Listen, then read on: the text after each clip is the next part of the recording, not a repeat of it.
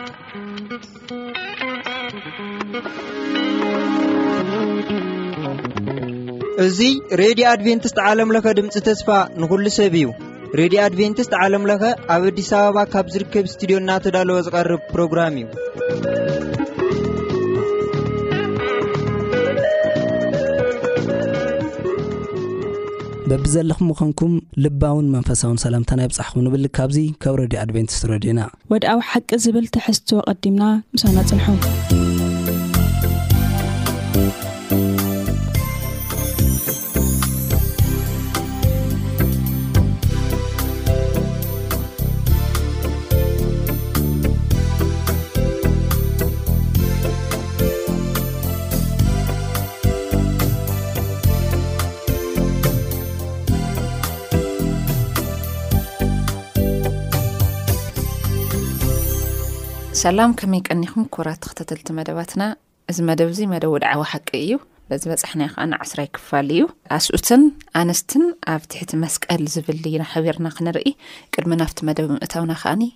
ክንጽሊ ኢና ንጸሊ ነመስግነካ ሕያዋይ ጓሳ ስለ ትሕልወና ስለ ትርሕርሐልና ኩሉ ነገር ከዓኒ ከከም ዘድለየና ስለ ትልእኸልና ነመስግነካ በዚ ዕለት እዚ ቃልካ ከፊትና ንምህር ኣሕዋት ከዓኒ ጎይታ ዝምህር መንፈስ ክትልእኸልና ንስኻ ክትዛረብ ንሰምዑ ሰማዕትና ከዓ ንሂወት ምስ ትርፉ ክኾነሎም ንምሕፀነካ ኣይትፈለየና ስለ ሽመ የሱስ ኣሜን ኣብ እቲ መእተዊ ከም ዝነገርኩኹም ብዛዕባ ናይ ኣንስትን ኣስዑትን ኣብ ትሕቲ መስቀል ከመይ ኢሎም ክጥርነፉ ከም ዘለዎም እንታይ ዓይነት ተግባራት እዩ ዘካትት ድብል ከም መእተዊ ግን ንሓወይ ኣማን ክህቦ ከም መእተዊ ጥቕስና ተዋህበና ኣብ ኤፌሶን ምዕራፍ ሓሙሽተ ካብ ዕስራን ሓሙሽተን ክሳብ ዕስራን ሸውዓተን ዘሎ እዩ ከምዚ ድማ ይንበብ ከምቲ ክርስቶስ ንማሕበሩ ዘፍቀራ ኣቱማ ሰብኡት ኣንስትኹም ኣፍቅሩ ክርስቶስ ብቓሉ ገይሩ ብምሕፃብ ማይ ምስ እፅረያ ምእንቲ ክቕደሳ ረሳሓት ወይስ ዕጣር ወይ ገለ ነዚ ዝመስል ዘይብላ ብዘይ መንቅብ ቅድስትን ክብርትን ማሕበር ገይሩ ንዕዑ ምእንቲ ከቆማ ኢሉ ርእሱ በጃኣ ሃበ ይብለና ኤፌሶን መራፍ 5 ካብ 25 ክሳብ 27 ስለዚ ጳውሎስ ኣብቲ ናይ ክርስትያናት ሕድሕድ ምግልጋል ይሃንፅ እሞ ኣስዒቡ ድማ ንኣመንቲ ንስቲ ሰብኡት ምስ መዓደ ንኽልቲኦም ብሓባር መምርሒ ብምሃብ ይዛዝም፣ ኣብዚ ኤፌሶን ማለት ኢዩ። ኣብዚ ምዕዱኡ ድማ ናይ ዘመንና ተማህሮ መጽሓፍ ቅዱስ እቲ ካብ ሙታን ዝተንሰኤ የሱስ ንሰብ ሓዳር ክመክር ከሎ ኢዩ ጳውሎስ ዝሰምዖ ኣብዚ ሓሳብ እዚ ማለት ኢዩ። ብዝግባእ ምስ ተረዳእና ድማ ነዚ ምኽሪ ክንበቅዕን ነቲ ሃዋርያ ጳውሎስ ንሕብረት ኣመልኪቱ ከም ቀንዲ ትሕዝቶ ናይቲ መልእኽቲ ዝኾነ ዘስተምህሮ ቁምነገር ሎሚ ግና ንብምሉኡ ቤተ ክርስቲያን ዝምልከት ክንግንዘብ ንኽእል። እቲ ናይ ጥንታዊ ሕብረተሰብ ቀንዲ ስተ ዝነበረ ተግባራት ምስ ኣመልከተ ነቲ ኣብቲ እዋን እቲ ዝነበረ ኣብ ውሽጢ እቲ ዝንቡዕ ሓፈሻዊ መነባብሮ ደቂ ሰባት ዝሃንጽ ናይቲ ሓድሽ ሕብረተሰብ መነባብሮ ይነግር። ስለዚ ኣብዚ መስርዕ ድማ ክርስትያናት ነቲ ናይ እግዝኣብሄር ናይ መወዳእታ መደብ ክክውን ዝገብር ሓይሊ መንፈስ ቅዱስ ናብ ደቂ ሰባት ከም ዝወረደ ውን ዓለም ድማ ከም ዘበሰረ እዮም ዝዛረቡ ማለት እዩሞ እዚ ሓሳብ እዚ ክህብ ደሊ። ብዛዕባ ናይ ቤተ ክርስቲያን ቤተሰብን ሓደ ኣብ ዝኾነ መንገዲ ከመ ጌርና ኢና ክነካይዶ ንኽእል ዝብል መጀመርያ ኣርእስቲ ክጅምር ከሎ ኣብ ናይ ኣይሁድ ምኽርኒ ናይ ክርስትያን ኣንስቲ ዝብል ኣለና እንታይ ይብል ንኣስኡትክን ከምቲ ንጎይታ ተገልግልኦ ኣገልግልኦ ክብል ከሎ ኡትክን ክተኸብራ ከለኽን ንእግዚኣብሔር ከም ዝኸበርክን ክትፈልጣ ክትኽእል ኣለክን ይብል ግን ኣብ ሓደ ሓደ ናይ ቀደም ኣመላኻኽታታት ታይ ነይሩ? ከምዚ ከም ጎይታ ማለት ልብሃዊ ቦታ ልሓልፍ ቦታታት እኒኦ ስለዚ ልክዕ እቲ ንእግዚኣብሔር ዝብሃዊ ቦታ ካልእ እዩ ሰብኣይካ ዝብሃዊ ቦታ ካልእ እዩ ልክዕ ንሕና ንገብሮ ንደቅና ኮነ ነንስትና ወይ ነስኡትና ንእግዚኣብሔር ምላሽ ንህቦ ከም ዘለና ክንፈልጥ ክንኽእል ኣለና ስለዚ እንታይ ይብለው እዚ ኣብዚ እንታይ ይብል ጳውሎስ ክዛረብ እንከሎ ዝተበላሸ ዝኾነ ሓዳር ፍቕሪ ዝጎደሎ ወይ ደሞ ከምዚ እንክብካቤ ዝጎደሎ ሓዳር ካብ ምንታይ ዝተልዓለ እዩ ንእግዚኣብሔር ካብ ንህውኽ ተሓተ ኸብሪ ዝተልዓለ እዩ ምኽንያቱ ነተ ሓዳር ትሪት ክንገብሮ ንኽእል እንታይ ብዝመጽእ እዩ ንእግዚኣብሔር ብደንብ ብንርድኦ እዩ ስለዚ እቲ ማእኸላይ ዝኾነ ኣካል ከይሕዘና ክንኸይድ ንኽእል ለምሳሌ ኣብ ዝኾነ ቦታታይ እቲ ሰብኣይ ነጨናንጫ ስቑኢሉ ስርዓት ኣልባ ስቑኢሉ ክብረ ተቢስ ምናምን ክኸውን ይኽእል ግን ከመይ ገይሩ እዩ ክህነፅ ዝኽእል ብልብል ነቲ ሃናፂ ንስኻ ክተስተኻኽሎ ይትኽእል ንመን ኢኻ ተረክቦ ንጎይታ ኢኻ ተረክቦ ግን እንታይ ብምግባር ብትሕትና ምክንያቱ ኣንሕና ኣእቲና ነስተኻኸሎ ነገር ስለለየለ ቅድሚ ሕጂ እቲ ሓዳር ክምስረት ከሎ ማእኸላይ ኮይኑ ዝሃነፆስ እግዚኣብሔር እዩ ስለዚ ነቲ ዝተበላሸ ቅንዕና ዝጎደሎ ሓዳር እውን እግዚኣብሔር ከም ዝሃንፆ ጌርካ ንእግዚኣብሔር ተረክቦ ግን ወላ ደኣ ስርዓተ ቤት ይኹን ክተኽብሮ ከም ደለካ ጅስት ደይኮነ ኣመለኻኽታታት ክቕረፍ ከም ደለዎ ምክንያቱ ዝዛረቦ ደሎ ኣብ ኤፌሶን ስሕተት ናይ ሓዳር ኣተሓሕዛ ኣብ ቤተ ክርስትያን ጎደሎታት ነይሩ ስለዚ በዚ ሕጂ ከኣኒ ከምኡ ዓይነት ትርኢታት ይረኣ ክኸውን ይኽእል ኣንስቲ ነስኡትክን ከምዚ ንጎይታ ዝበሃቦ ቦታ ዘይኮነስ ጎይታ ዝደልዮ ዓይነት ክብርን ነስኡትክን ምሃብ እዩ ዝብልና በዚ ዓይነት እዚ ነስኡትክን ምኽባር ክትኽእላ እዩ ትምህርቲ ንዕድም ተወሳኺ ሓሳብ እንተደሃሊካ እወ ኤፌሶን ምዕራፍ ሓሙሽተ ፍቕዲ ዒስራን ሓደን ብደንቢ ክንርድኦ ዘለና ሓሳብ ይመስለኒ እንታይ ይብል ንንሕድኩም ብፍርሃት ክርስቶስ እዙዛት ክኾኑ ምስ በለ ከምቲ ክርስቶስ ርእሲ ማሕበሩ ዝኾነ ንሱ ከዓ ንምድሓን ስብኡ ከዓ እዩ ሰብኣይ ከዓ ርእሲ ሰበይቲ እዩ እሞ ኣትናንሲ ከምቲ ንጎይታ ጌርክን ንሰብኡትክን ተኣዘዝኦም ከምቲ ማሕበር ንክርስቶስ ትእዘዞ ከምኡ ድማ ኣንስ ንሰብኡት ብኹላ ይተኣዘዞም ከምቲ ክርስቶስ ንማሕበሩ ዘፍቀራ ኣቶም ሰብኡት ንንስትኹም ኣፍቅሩ ክርስቶስ ብቓሉ ገይሩ ብምሕፃብ ማይ ምሰፅርያ ምእንቲ ቅድሳ ርሳሓት ወይ ስዕጣር ዝመስል ዘይብላ ብዘይ መንቅብ ቅድስትን ክብርትን ማሕበር ገይሩ ንኡ ምእንቲ ከቆማ ኢሉ በጃ ሃበ ሰብኡት ከኣ ከምኡ ነተን ኣንስቶም ከም ስግኦም ገይሮም ከፍቅርወን ይግብኦም እዩ። ሰብ ንስግኡ ይመግቦን ይከናኸኖን እምበር ሓደ እኳ ዝጸልኦ የልቦን እሞ ኣካላት ስግኡ ስለ ዝኾና ክርስቶስ ንማሕበሩ ከምኡ ይከናኸና ኣሎ። ስለዚ ብፍላይ ኣብዛ ቁጽሪ ዕስራን ክልተን ዕስራን ሰለስተን ዘንበብክወን ሓሳብ ኣንስቲ ከም ንጎይታ ጌርክን ንሰብኡትክን እንታይ ግበረን ተኣዘዝኦም። ከምቲ እታ ማሕበር ንክርስቶስ እትእዘዞ ከምኡ ድማ ኣንስቲ ንሰብኡትኩም ብኹሉ ተኣዘዘኦም ይብል ስለዚ ብዙሕ ሰብ መጽሓፍ ቅዱስ ኣብ ማዕርነት ደቂ ኣንስትዮ ኣይኣምንን እዩ ኢሎም ካብዚ ጥቕሲ እዚ ይዛረቡ እዮም ብጌጋ ይርድእዎ እዮም እዚ ግን ካብ ሓቂ ዝረሓቐ ከም ዝኾነ እግዚኣብሄር ንክብሪ ደቂ ሰብ ከም ዝመፀ እምበር ንደቂ ሰብ ንምውራድ ከም ዘይመጸ እዩ ዝነግረና መጽሓፍ ቅዱስ ክዛረበና ከሎ። እሞ እዚ ሓሳብ እዚ ከኣ ከይድና ክንርኢ ከለና ኣብ ሓዳር ዕውት ዝኾነ ፍቕሪ ዝመልኦ ሰባት ዝባረኹሉ ኣምላኽ እውን ዝኸብረሉ ህይወት ክኸውን ዝኽእል በዚ ዓይነት መንገዲ እዩ ኢሉ ይነግረና። ሰበይቲ ሕጂ ናይ መጀመርያ ሓሳብና እናረኣና ዘለና ሰበይቲ ንሰብኣያ ክትእዘዞ ወይ ድማ ክትግዝኦ ከላ ወይ ድማ ከተኽብሮ ከላ እዩ። ሰብኣይ ከኣ ከም ነብሱ ጌሩ፣ ከምታ ንነብሱ ዝፈትዋ ጌሩ፣ ከምታ ንነብሱ ዝከናኸና ጌሩ ከፍቅራ ከሎ እዩ። ስለዚ ሰበይቲ ከመይ ጌራ እያ ንሰብኣያ ክትግዝኦ ወይ ድማ ክትእዘዞ ትኽእል ንዝብል ሓሳብ ኣብዚ ቃል እዚ ብደንቢ ኣስሚርሉ ይርከብ። እንታይ ይብል? ከምቲ ንጎይታ ጌርክን ንጎይታ ንየሱስ ክርስቶስ ከም ትግዝእኦ ጌርክን እንታይ ግበራ? ተኣዘዝኦም። ይብለና ጎይታ ኣብ ሂወትክን ግበሮኦም ንዖኦም ኣምላኽ ግበሮኦም ናበለ ኣይኮነን ዘሎ ምክንያቱ ናይ ጎይታ ክብሪ ዝተፈለየ እዩ ንየሱስ ንህቦ ክብሪ ዝተፈለየ ንየሱስ ንህቦ ኣምልኾ ዝተፈለየ ንሰብ ንህቦ ከዓ ክብሪ ከዓ ዝተፈለየ እዩ እዚ ከምቲ ንጎይታ ክብል ከሎ ግን ንጎይታ ብምሉእ ልብና ኢና ነፍቅሮ ንጎይታ ብምሉእ ልብና ኢና ንእዘዞ ንጎይታ ድማ ደስ እናበለናን እናተሓጐስናን ኢና ንእዘዞ፣ ሓዚንና ኣይኰነን። ስለዚ ንሰብኡትኩምን ክትእዘዛኦም ከለኽን ከምቲ ደስ ኢልክን ትእዘዝኦ ንጐይታ፣ ከምቲ እናተሓጐስክን ንሰብኡትኩም እውን ደስ እናበለክን ተኣዘዝኦም። ንሰብኡትኩም ደስ እናበለክን ተገዝኦም። እናመኸረ ከም ዘሎ ኢና ንርኢ ማለት እዩ ኣብዚ ሓሳብ እዚ። ሓድነት ኣብ መንጎ ሰብኣይን ሰበይትን ከምጽእ ዝኽእል። ምናልባት ክብራት ሰማዕትና ኣብ ዝቕጽል ከም ፍቓድ ኣምላኽ ኣቋሪጽናዮ ዝነበርና ንቑሩብ ግዜ ናይ መደብ ቤተሰብ ብሰፍሕ ዝበለ መንገዲ ክንጅምር ኢና እሞ ኣብዚ ሓሳብ እዚ ሕቶ ወይ ርእይቶ ተሃሊኩም እናለኣኽኩም ንሕናውን ዝተፈላለየ መደባት እናቕረብና ክንቅጽል ኢና። ስለዚ ኣብዚ ምእላይ ኣብዚ ጥቕሲ እዚ ኣስፊሕና ንርእየሉ ኣጋጣሚ ከም ፍቓድ ኣምላኽ ክህሉ እዩ። ብዝኾነ ግን ናይ ኣንስቲ ተራ ንሰብኡተን ምእዛዝ ንሱ ድማ ንጎይታ ከም ዝእዘዝኦ ንጎይታ ከም ዘፍቅርኦ ገይረን ክእዘዛ ክግዝኣን ትሕት ክብላን እዩ እቲ ናይ መጀመርያ ትእዛዝ። ተፈላለዩ መንስኤታት ኮይኑ ደሎ ናይ ሓዳር ኣረዳድኣስ ሕተት እዩ ሓቀይ። ሰለዚ እዛ እታ ሐፍቲ እዚኣ ንመን እያ ትገዛእ ክብል ከሎስ ናብ ለይከውን ነገር ከይነትርጉሞ ምጭኽኻን ደይኮነስ ብርህራሄካ ነቲ ቤት ንሱ ሐደ ምግባር ምኽናቱ ሐደ ላብ ልገብር ኣንፈት ምምጻእ ማለት እዩ ምግዝዛእ ምኽናቱ ኣብ ናይ ቀደም ቅጽል ኢልና ኣብ ናይ ረቡዕ ሐሙስ ንርኦ ኢና ናይ ሮማውያን ናይ ግሪካውያን ባህሊ ነይሩ ልኾነ ግዜ ብሓይ ሰለዚ ለከምዚ ዓይነት ከይከይድ ክርስትያናዊ ዝኾነ ሐዳር ንኽንምስረትሲ እንታይ ክንገብር ኣለና ሰበይቲ ትገዛእ ክብል ከሎስ ባርያ ትኹን ኣይኮነይ ነዊሕ ዘመናት ብሓምሳ ሸውዓተ ናይ ምሽ ክልተ ሽሕ ስበ ዝብሎ። ሓስቡ ግን ብዚ ሕጂ እዚ ክሃንጽ ዝኽእል ቃል እዩ ተዛሪቡ ክበላ ዝደለኹ እንታይ እያ ናተገዛዛእኻ ዝብል ቃል ብዙሕ ኣይተቐበልኩዋን ንምንታይ መስለኪ ሰበይቲ ትተኣዘዝ እወ ናይ ሰበይቲ ተራ እዚ እዩ ሕጂ ኣብዚ እቲ ምእዛዝ ዝብል ዘሎ ከምዛ ዝበልክያ እቲ ትተኣዘዝ ዝብል ዘሎ ባርያ ትኹን ትገዛእ ሰብኣዩ ድላዩ ይኹን ሰብኣዩ ብድላዩ ግበራ ነገር ግን ንሳ እንታይ ትግበር ብፍቕሪ ብትሕትና ደስ እናበላ ከምቲ ጎይታ ንትእዘዞ ሕጂሲ ወይ ድማ ትገዛእ እዩ ሕጂ እዚኣ ቃል እዚኣ ንሰብኣይ ዝተዋህበት ኣይኮነት እዚኣ ንሰበይቲ እያ ተዋሂባ ንሰብኣይ ግን እንታይ እዩ ተባሂሉ የፍቅራ ከምቲ ንስጉኡ ዝንካናኸኖ ስጉኡ ከይግድኦ ከይጠምዮ እንደገና ክሓምም ከሎ ከምቲ ዝፍውሶ ብዙሕ ገንዘብ ኣውፅኡ ከምቲ ዝፍውሶ ከምኣ ገይሩ ንሰበይቱ ይከናኸና ና ንየሱስ ክርስቶስ እታ ማሕበር ኣምላኽ ወይ ድማ እታ ቤተክርስትያን ክርስቶስን ምስ ሰብኣይን ሰበይትን ዘሎ ርክብ እዩ ዘተሓሕዝ። ሕጂ ካብቲ ክርስቶስ ነታ ቤተክርስትያን ዝገበረላ ነገር ንሕና ክንመሃር ካብኡ ትምህርቲ ረኺብና ድማ ኣብ ሓዳርና ክንመሃረሉ ዘለና ክንመሃር እዩ እዚ ሓሳብ እዚ ኣቕሪብዎ ዘሎና። ክርስቶስ እንታይ እዩ ገይሩ ነታ ማሕበር ክርስቶስ እንታይ እዩ ገይሩ ነታ ቤተክርስትያን ንዝብል ሓሳባት እዩ ክናጠቐስኪ ነይርክ ናይ መጀመርያ ኣፍቂርዋ እዩ ፍቕሪ እዩ ዝቕድም ቅድሚ ኩሉ ፍቕሪ እዩ ዝቕድም ጥቕሚ ዝቕድም ተኮይኑ ረብሓ ዝቕድም ሽግር እዩ ተረዲኽኒ ኢቨን ሪቨንጅ ሎማዓንቲ ፍሽኽ ኢለ ተመሪዐ ፅባሕ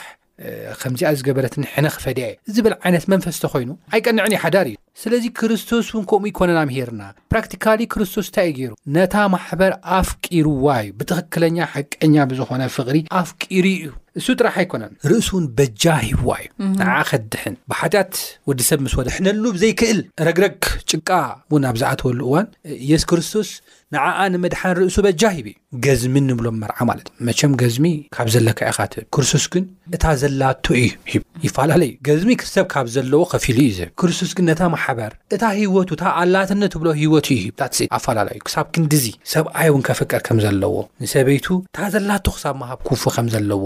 ንኸምህር እዩ እዚ ነገር እዚ ነጊርና ማለት እዩ ደሚ ጌርክ ገሊጽኪ ኢኺ ድሓር እንታይ እዩ ገይሩ ኣብ ሳልሳይ መዓልቲ ተሲኡ እግዚኣብሔር ይመስገን ሞይቱ ይተረፈን ጎይታና መድሓና የሱስ ክርስቶስ ድሓር ነታ መርዓት ወይ ዳማ ነታ ማሕበሩ እንታይ ገራ ሓጸባ ኣጽረያ ብሓጢኣት ተባላሽዮም ዝነበሩ ኣመን እንታይ ገይርዎም ኣጽሪዎም ሓድሽ ፍጥረት ገይርዎ መጽሓፍ ቅዱስ ብኡ ዝኣመኑ ኩሉም ውሉድ ኣምላኽ ክኾኑ መሰል ሃቦም ጥራሕ ዘይኮነ ዝብልሲ ብክርስቶስ ዝኣምን ኩሉ እንታይ ገይሩ ሓድሽ ፍጥረት እዩ ሓድሽ ኣተሓሳስባ ዘለዎ ሓድሽ ልቢ ዘለዎ ሓድሽ ራእይ ዘለዎ ሓድሽ ተስፋ ዘለዎ ሰብ ጌርና ንዓና የሱስ ክርስቶስ ማለት ናትና ሕጽብ ኣቢሉ ኣጽሪዋ ማለት ክብሪ ንኣምላኽ ይኹን ነታ ማሕበር ነታ ንዓና ማለት እዩ ስለዚ ንሱ እውን እንታይ ክገብር ክኽእል ኣለዎ ንሰበይቱ ከጽርያ ክኽእል ኣለዎ በኹሉ ናይ ቅድም ኢለ ከም ዝበልኩኺ ሓጺብዋ ጥራሕ ዘይኮነ እዚ ምንጻህ ድማ ምስ ተፈጸመ በቲ ቃሉ ምስዚ ሎሚ ናይ እዋን ዝግበር ዘሎ ፌርማ ስነ ስርዓት ዘመሳስል ግና ጽንዕ ዝበለ ናይቲ ብሸነኽ እንዳ ወዲ ዝግበር ወጻእን ብሸነኽ እንዳ ጓል ዝወሃብ ገዝምን ብዝርዝር ዝርእ ናይ ጽሑፍ ሰነድ ዘለዎ ስርዓት እዩ ሕጋዊ ናይ መወዳእታ ድማ ከምቲ ቀድም ኢልኪ ዝዘረብክዮ ከም ሰለማ ጽብቕቲ ክትከውን ከም ሰለማ ኢና ንርእዮ ስለዚ ሰብኣይ ውን ንሰበይቱ ከምዚ ክገብር ክኽእል ኣለዎ ክርስቶስ ንማሕበሩ ከምዚ እዩ ጌሩ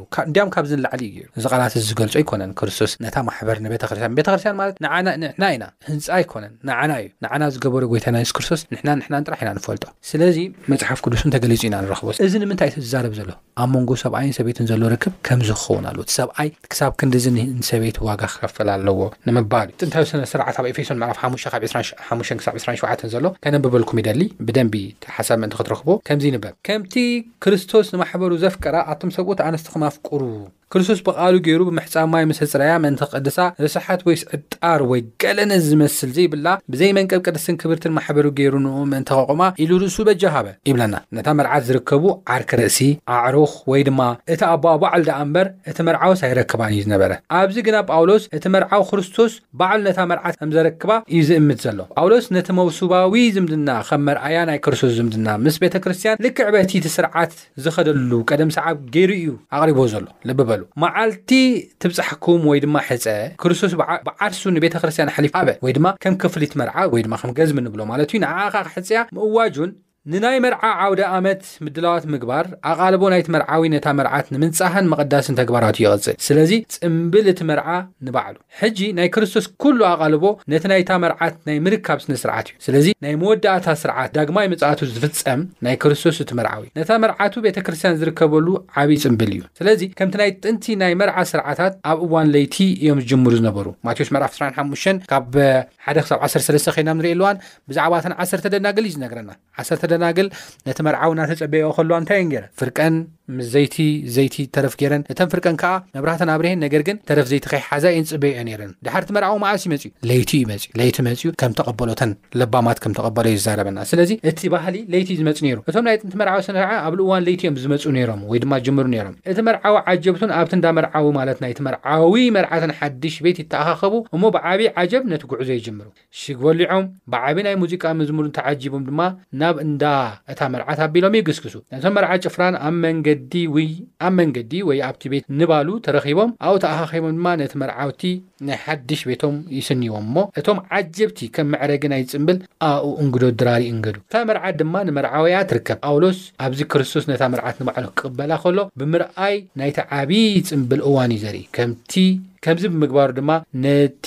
ኣብ። መጻኢ ክኸውን ዘለዎ ናይ ክርስቶስ ዳግማይ ምጽኣት እቲ ነዊሕ ናይ ሕጸ እዋን ኣብቂዑ እቲ ዓቢ ናይ መርዓ ጽምብል ዝኽበረሉ እዋን እዩ ዘርእየና ዘሎ። ካልኣይ ቆሮንጦስ ምዕራፍ ዓሰርተ ሓደ ካብ ሓደ ክሳብ ኣርባዕተ ዝዛረቦ ነገር ኣሎ። እንታይ ይብል መስለኪ? ገለ ቁሩብ ዕሽነት ክትዕገሱኒ ምደሌኹ፣ እስኪ ተዓገሱኒ ደኣ። ብቕንኢ ኣምላኽ እቐንኣሎም እየ እሞ ንጽህቲ ድንግል ንክርስቶስ ምእንቲ ከቕርበኩም ንሓደ ሰብኣይ ሓጺየኩም ኣለኹ። ግናኸ ከምቲ ተመን ብጉርሑ ንሄዋን ዘስሓታ ከምኡ ሓሳብኩም ካብቲ ናይ ክርስቶስ ዝኸውን ብግርህነት ንጽህናን ምናልባሽ ከይጠፍእ እፈርህ ኣለኹ። ስለዚ ሓደ እኳ ንሕና ዘይሰበኽክናዮ ካልእ ካልእ የሱስ እንተ ሰበኸ ወይ ንስኻትኩም ዘይተቐበልኩሞ ካልእ መንፈስ ተተቐበልኩም ወይ ዘይረኸብኩሞ ካልእ ወንጌል እንተ መጻኩም ጽቡቕ ትዕገስዎ ኣሎኹ እናበለ ይዛረበና ስለዚ ኣብዚ ሓሳብ እዚ እንታይ እዩ ዘርእየና ክንብል ከለና እቲ መርዓዊ ክሳብ ክንደይ ኣማሊኡ ነታ መርዓት ክቕበላ ክሳብ ክንደይ ብኽብሪ ክቕበላ ከም ዝኸደ ይዛረበና እና ሕጋዊ ኣምላኽ ዝፈትዎ እግዚኣብሄር ባህ ዘብሎ ሰብ እውን ዝሕገሰሉ ስርዓት ከም ዝኾነ ይዛረበና ኣብዚ ሓሳብ እዚ ጽቡቕ ኣብ ዝቕጽል ኬድና ክንርኢ ከለና ኣንስትኹም ከም በዓልኩም ፍተዉ ክጅምር ከሎ ኣብ ናይ ጥንታውያን ናይ ሮማ ዓለም ዝግበር ዝነበረ ብናይ ጳውሎስ ዘመን በግሪክና ብሮምባይዞይታውያንና ሮማውያን እንታይ ነይርዎም እቲ ናይ ቤተሰብ ኣቦ ሕጋዊ ስልጣን ብጣዕሚ ሰፊሕ ዝኾነ ስልጣን ኣለዎ ቆልዑት ወይታ ሰበይቲ ተመቑድሎስ ብጭካነ ናይ ምርኣይ መብት ነይርዎ ከም ድላይ ገይሩ ከሳቀቆም እና ኣብቲ ሰዓት ንሱ እውን ናይ እንዳወቅዖም እውን ክቀትሎም እውን ይኽእል እዩ በቃ እስካ ከምኡስ ቦታ ነይርዎ ብጣዕሚ ክፍእ ዝኾነና ኣብ ሰበይቱን ኣብ ደቁን ማለት ኣብ ደቁን ኣብ ሰበይቱን ከም ድላይ ዝኾነ ማህሰይ ክፈጥር ይኽእል እቲ ናይ ሮምን ናይ ሕጋዊ ዝኾነ ስልጣን ሕጋዊ ስልጣን በቃ ሓደ ሰብኣይ ወይ ኣቦስ ከምዚ ክገብር ይኽእል ድሓርታ ይብል እዚ ነገር እዚ ኣውሎስ ኣተሓሳሲቡ ከቢድ እዚ ልክዕ ንንስቱ ንደቁ ንዝድብድብ ደሎስ ንስጉኡ ከይድብድዎ ዶ ከም ገይሩ ሕጂ ከረድኦም ከሎስ ብናይ ባዓሎም ልግብርዎ ስቴፒ ተጠቂሙ ኣረዲእዎ እና እታ ንነብስኻስ ከምዚኣ ጌርካ እንዳረእኻስ ትድብድባ ዶ እሳስ ከም ነብስኻ ስለለይ ረእኻያ እያ ስለዚ ደቅኻ ኮነ ኣንስኻ ከም ነብስኻ ስለለይ ትፈልጦም ስለለይ ትሪኦም ኢኻ ትድብድብ ደለኻ ኣብ ድብል መልክዕ ብደለዎ ቃል እዩ ምህሮም ኔሩና ታይ እዩ ክብል ደልዩ ካብ ፍቅሪ ዝረሓቀ ሓዳር ከም ዝነበረ ከምዚ ዓይነት ፍቕሪ ዝመልኦ ሓዳር ኣይኮነይ ርህራሄ ዝመልኦ ሓዳር ኣይኮነይ ጭካነ እዩ ባይዘወይ ስርዓት ዝጎደሎ ተሓዛ ከልይብሉ ኣብ ሓደ ሓደ ቦታታት ከዓኒ ካብ ምድብዳብ ዝተላዓለ ሓዳረን ዝፈትሓ እኒኤዋ ብጣዕሚ እንዳተደብደባ ክርስትያን ካብ ኮይነን ሓደ ፅንፊ ሲ ናብ ሓደ ፅንፊ እውን ከም ዝኸድ እወ ላብ ለይከውን እውን ይኸይድ ኣሎ ኩሉ እንድዩ ራህሪሁ መፅኡ ንኩላ ነታ ቤት ሓደ ጌርዋ ክርስቶስ ሓቀይ ስለዝተኸንኸን የብልናይ ላብ ለይከውን ዓለም ከይንኣቱ ነቲ ሓዳር ምስ ብፍቕሪ ክንሕዞ ከም ዝግበአና ስለዚ ካብ መጀመሪኡ ሃገር ሓመስቲ ንኸውን ኣለና ማለት እዩ መጥፍእቲ ንኸውን ኣለና ማለት ቤተ ክርስትያን መበላሸይቲ ንኸውን ኣለና ማለት ስለዚ ሕዋት ታይ ክነመሓላልፍ እንደሊ ኣብ ገዛኹም ዝግበር እዩ ቤተ ክርስትያን ከህነፅ ትኽእል ክርስትና ዝኾነን ሓዳር ከዓኒ ክርስቶስ እዩ ዝመርሖ ንክርስቶስ ኢኻ ተረኩ ኣንስቲ እውን ኣስኡትን ናብ ለይከውን ቦታ ክንኸይከዱ ዘስተኻኸልዎ እጃማት ክፈልጣ ክኸል ኣለወን ኣብ ክርስትያን እውን ስለዝነበረ እዩ ስለዘንሕና ክርስትያናውያን ሰዓት ካብ ዓለም ንፍለየሉ ኣብ ቤተ ክርስትያን ኹናይ ንፋለጥ ኣብ ገዛና ኢና ክንፋለጥ ደለና ኣብ ገዛና ዝግበር እግዚኣብሔር ይፈልጦ እዩ ኣብ ቤተክርስትያን ከይድና ተደመቅናስ ምንም ትርጉም የብሉ ሓቀይ ስለዚ ነታ ቤተክርስትያን ክነልዕላ እንተ ደሊና ሓዳር ደቅና ንርኣዮ ኣንስለ ነስኡት ክንጠምታ ስለዚ እግዚኣብሔር ምክባር ክንኽእል ኢና ሽዑ ማለት እዩ ካብ ምንታይ ዝተልዓለ እዩ ናይ ሮማውያን ኣነ ብጣዕሚ ጨካናት እዮም ስልጣን ኣለዎም ድሕሪኡ ግን እንታይ እንዳኾነ ከይዱ መሲልካ ጳውሎስ ጥራሕ ዘይኮነ እቶም እንዳተወደዱ ዝመፁ ማሕበረሰባት እውን ክቕበልዎ ይከኣሉ በቃ ነፂጎሞ ግን ናብ ምንታይ ተቐይሩ ናብ መሰል ደቂ ኣንስትዮ ካሊእ ዓለም ዝፈጠሮ እዩ ኣብ ክርስትያናውያን ዝኣቲ ኣይኮነ እዚ ኣባና ምክብባር እዩ እምበይ ንደቂ ኣንስትዮ ጥራሕ ዝበሃል መሰል የለን ከም ሓደ መምህር ጳውሎስ ዝተዛረቡ ክነመሓላልፎ እንደሊ ግን ከም ንፉዓት ክርስትያን ንሓዳርና ክንመርሕ ንኽእል ካብ እግዚኣብሔር ቃል እንዳተቐበልና ኢና ነቲ ሓዳር ንመርሖ ብጣዕሚ ዝገርም ሓሳብ ኢኺ እናገለጽኪ ነርኪ ሳሌማ ኣብ ኤፌሶን ምዕራፍ ሓሙሽተ ፍቕዲ 28 እውን ከምኡ እዩ ዝብል ሰብኡት እውን ከምኡ ነተን ኣንስቶም ከም ስጋኦም ገይሮም ከፍቅርወን ይግብኦም እዩ ሰብ ንስግኡ ይምግቦን ይከናኸኖን እዩ እምበር ሓደ እኳ ዝጸልበዮ የለን። ኣካላት ስግኡ ስለ ዝኾና ክርስቶስ ከምኡ ንማሕበሩ ይከናኸና ኣሎ ይብል። ስለዚ እቲ ሰብኣይሲ ከናኸና ከምታ ንስግኡ ገይሩ ድማ ክሕብሕባ ኣለዎ። ሕጂ ብዙሕ ግዜ ኣብ ሰብኣይን ሰበይትን ጎንጺ ዝለዓል ብኸመይ እዩ መስለኪ? ምናልባት ኣነ ካብቲ ዝተረዳእኽዎ ንንኣሽቱ ነገር ስለ ንንዕቕ እዩ። እቲ ሰብኣይ ዝዛረቦ ንኣሽቱ ነገራት እታ ሰበይቲ ልቢ ስለ ዘይትህቦ እዩ፣ ደጋጊሙ ዝብሎ ነገራት ማለት እዩ። እታ ሰበይቲ እውን ትዛረቦ ነገራት ሰብኣይ ከም ንእሽተይ ገይሩ ብምቑጻር፣ ደሓር እዚ ንንኣሽቱ ነገራት ትኹረት ብዘይምሃብ እዚ ንኣሽቱ ነገራት እናተደረበ ናበይ የምጽኦ ናብ ሓይለ ቃላት። ምናልባት ኣብዚ ፕሮግራም እዚ ክመኽሮ ዝደሊ ወይ ድማ ከመሓላልፎ ዝደሊ ካብ ዝተረዳእኩዎ ከም ሰብኣይን ሰበይትን ንኣሽቱ ዝመስላ ኣብ ገዛና ንኣሽቱ ዝመስላ ደቀቕቲ ዝመስላ ጉዳያት ነስተውዕለን ትኹረት ንሃበር። ሓደ ግዜ መጽሓፍ ኣንቢበ ነይረ። The Power of Small Things ዝብል እዩ። ኣብ ዓለም ሲ እቲ ዓበይቲ ለውጥታት ወይ ድማ ፌመስ ገለ ዝኾነ ሲ በቃ ዓበይቲ ነገራት ዝኣሽሙ ምግባር ጥራሕ ኣይኮነን፣ ንኣሽቱ ነገራት ምስትውዓል እዩ። እቲ ዘይስተውዓሉ ነገራት ምስትውዓል እዩ ዓበይቲ ዝኾኑ። ጽቡቕ ኣብ ዝቕጽል ከኣኒ እዚ ከምዚ ዓይነት ስሕተት ክፍተታት ክፍጠር እንከሎ ላብ ለይከውን ነገር ንኸይድ ኢና። ላብለይ ምርድዳእ ከምታ ድበልካያ ደስ ትብል ቃል ተዛሪብካ ነርካ ንኣናእሽተይ ነገራት ቦታ ለይንህበሎም እንተኮይና ዓበይቲ ነገራት ክንሰርሕ ኣይንኽእልን በቃ ካብኡ ቀልቢ ለይምሃብ ዝተልዓለ ኣዳም ካብ ኤደን ተባሪሩ ቀልበይ ኣወሊ ከይትገብር ዝበሉ ሕጊ ኣብ ሓሙስ ከድና ክንርኢ ከለና ዘፍጥረት ክልተ 15 ስካብ 25 ኣብ ሓዳር ከምዛ ኣብ ዘፍጥረት ዝተገበረት እያ ብዝተፈለየ ድሕሪ ውድቀት ኢሉ ዓለምና ኣብ ወድን ጓልን ማእኸል ናይ ግብረ ስጋ ግንኙነት ጾታዊ ርክብ ብዝበዛ ተጀሚሩ ከመይ እስካብ ዝምርዖ እዮም ዝጽበዩ ሽዑ ልኾነ ከምዚ ሰብኣይን ሰበይትንሲ ዝፈጥርዎ ርክብስ ከምሳይ በቃ እሱስ ብኸመይ ከረድእካ መሲልካ እግዚኣብሔር ዝፈጠረሉ ዝሰርሖ ኣጀንዳ ሲስተምስ ከም ብሩኽ ነገር ገይሮም ይኾን እዩ ዝጥቀምሉ ከም መግዛእት ገይሮም እዮም ዝጥቀሙ መኸስካብ ዝእትይዎ እዮም ዝጽበዩ እዚ ከዓነ ንክርስትያን ኣይምልከት እግዚኣብሔር እዞም ሰባት ንሶም ዘርኦም ከም ምድሪ ሓሸዋ ንኣብርሃም ዝተኣትወ ቃል ክርስትያናዊ ንዓሊት ናብ ሰማይ ዝዝርጋሕ ትውልዲ ንክፍጠር እዩ በርለይ ኮነ ናይ ዓለም መጫወቲ ኮይኖም ክቐሩ ይኮነ ለምሳሌ ኣብ ኣውሮፓ ሓዳር ስታይ ትርጉም ስለ ከምድላ ደለኹዋ ጓለ ላፍት ወደሎ ገለሎ ይነብር ምባል ጀሚሮ ሪል ስቶር ኢል ነገራካ ደሎ ድሕሪ ግዜታት ኮሮና ዝበሃል ሕማም ወፅ እቶም ዘለዎ ወጣት ፅርግ ኣቢልዎ መን ቀርዮ ዝዓዲ ኣረጊት ቀርዮ እቲ ናይ መጀመርያ ግደፉ ብመንፈሳዊ ትርጉሙ ሓዳር ውላድ ንምንታይ ከም ዝጠቅም ዘርእተ ዘይተክኢኻ መን ክነብር ዕላምኡ ናይ እዚ ከምዚ ኣብ ስጋዊ ግንኙነት ርክብ ስሉ ብላሽ ዝኾነ ኣመላኻኸተ ዓለም ትፈጥር ደላ ከዓኒ ትኽክለኛ ኾኑ ዓዲ ኾኑ ሰባት ኣመላኻኽቶም ፅሩያት ዝኾኑ ክትፍጠር ስለ ለይደሊ እዩ ሓዳር ልበሃል እኮ እግዚኣብሔር ኣምላኽ ዝባረኮ ዘርኢ እውን ክወኮ እዩ ውላድ ለኮ ክበሃው እዩ ስቑልካ እኮ እንታይ ባል ኮፎ የብሎይ ከምዚ ንኣብርሃም ነዊሕ ዓመታት ስቑልዎ ዝኾነ ሰዓት ግን ብሩኽ ዝኾነ ዘርኢ ህይዎ ይኖ ውላድ ከበካ ከሎ ስቑልካ ለኸንቱ ነገር ኣይኮነ ትሰው ንሱ እውን ዘርኢ ክትክ እዩ ታኣይ ግን ከምህር ደለይ እቲ ናይ ግብረ ስጋ ግንኙነት ላብ ለይከውን ነገር ተተርጉሙ ካብኡ ትወፅእ ፋሉል ትኸይድ ካብኡ ትወፅእ ፋሉል ትኸይድ እታ ሰበይቲ ለበዚ እቲ ሰብኣይ ለበዚ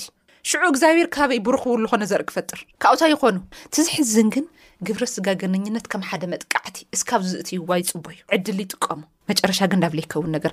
ብዛዕባ ናይ ግብረ ስጋ ግንኝነት ዝትውልዲ ዝልተረዶ ይመስለኒ እግዚኣብሔር ሰባት ዘርኢ ከፍርይሉ ዝፈቐደሎም ቦታ ኣባላሽ እዮም ወሲዶም ኣየጠጥሕወይ እቲ ኣብ ዘፍጥረት ዝነበረ እቲ ሓደ ኣካል ኣባላሽዮም ብኸመይ መልክዕ ብቲ ናይ ግብረ ስጋ ግንኙነት ንኣኣስ ከም መግዛእቲ ገይሮም ልጥቀምሉ ሓደ መሳርሒ እግዚኣብሔር እኮ እዚ ነገር እዚ ዝፈቐዶ ዝመስረቶ ትኽክለኛ ስቴፕ ክንጥቀም ወዲ ሰብ ካብቲ ናይ መጀመርያ መንነቱ ውድቀት ዘጋጠሞ መንገዲ ሓሊፉ ምኻድ ስለ ዝጀመረ ከመይ ጌርና እሞ ነስተኻኸሎ ናብ ዝብል እሺ ንኸድ እግዚኣብሔር ካብ ዘይፈቕዶ መንገዲ ኣይንኸድ ንዓያሹ መንገዲ ጥበብ እዩ ኩል ግዜ እግዚኣብሔር ዘይፈልጦ ዘይከብረሉ ዘይዓስለሉ ዘይሰርሖ ዘይፈልጦ ነገር ክንገብር እዩ ርድኢትና በተለይ ኣብ ግብረ ስጋ ገጥምና ካብ ኢደን ምስ ጠፋእና ታይድና ኮይና ደንዚዝና ይኮና ኢድና ቀሪና ኣብ ድንዙዝ ዝኾነ ዓለም ዳነበርና ብፍርቂ ኣካላትና ድንዙዝ እግዚኣብሔር ክረድአን ከለና ጥዑያትና ሓቂዶ ስለዚ ብደንቢ ኣብ ህላወ እግዚኣብሔር ክንርከብ ክንኽእል ኣለና ስቁይ ከ ካባዶ ተላዒልካ ኣይኮነይ እግዚኣብሔር ክሕልወካ ኣለዎ። ክትጠፍእስ ምቹው መንገዲ እዩ ደሎ ናብ ምንታይ ምንታይ ንኸይድ ኣለና ኣብ ምንታይ ንውዕል ኣለና ታይ ንገብር ነለና ታይ ነንብብ ታይ ንሰምዕ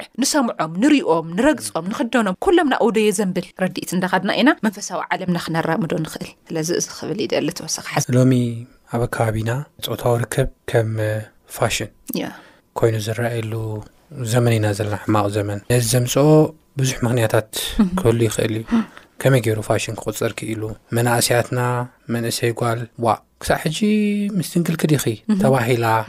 ንክትሻማቐቕ ሰብኣይ ከዓ ዋ ክሳዕ ሕጂ ብድንግልካ ዲኻ ተባሂሉ ንክሻማቐቕ ናብ ከምዚ ዓይነት ደረጃ ብከመይ ክንወድቕ ክኢልና ንዝብል ሓሳብ ብዙሕ ምክንያት እኳ እንተምፅኦ ኣትሊስት ግን ቅሩብ ካብቶም ብዙሓት ምክንያታት ካብቲ ተረዳእኹ ኣነ ክልተ ምክንያታት ክገልጽ እደሊ እቲ ቀዳማይ ል ሓዳር ዝሰምዕዎ ጭቕጭቕን ቻለንጅን እዩ ብዙሕ ግዜ ንሓዳር ክጸልዎ ፆታዊ ርክብ ድማ ካብ ሓዳር ወፃኢ ኢንጆይ ክገብርዎ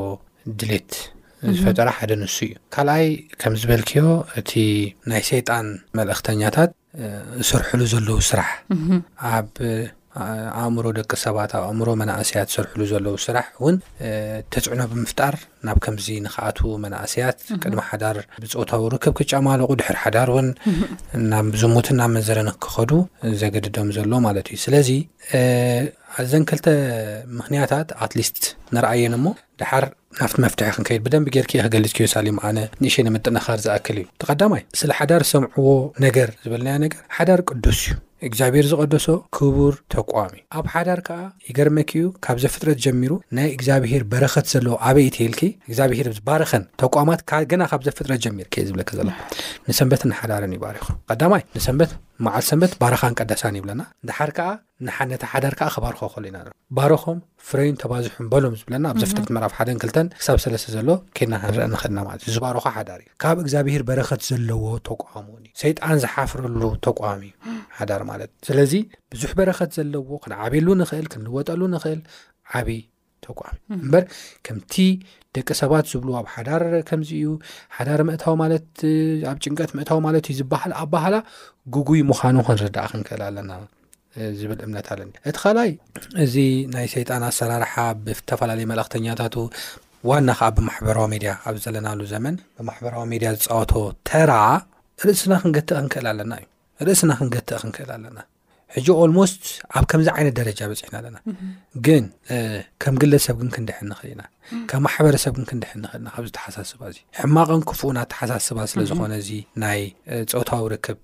ቅድሚ ሓዳር ዝግበር ፀውታዊ ርክብ ሕማቕን ክፉን ካብ ምዃኑ ዝተላዕለ ንሕና ካብዚ ነገር እዚ ክንድሕል ትኽእልና ከም ማሕበረሰብ ክንድሕን ንኽእል ክንድሕን ንኽእል ግን ብምንታይ ርእስና ክንገዝእ ከለና እዩ ኣብቲ እንጥቀመሉ ማሕበራዊ ሚድያ እንጥቀመሉ መንገድታት ርእስና ክንገዝእ ከለና ኣብ ኣነባብራና ብኩሉ ነገር ርእስና ክንገትእ ከለና እዩ እሞ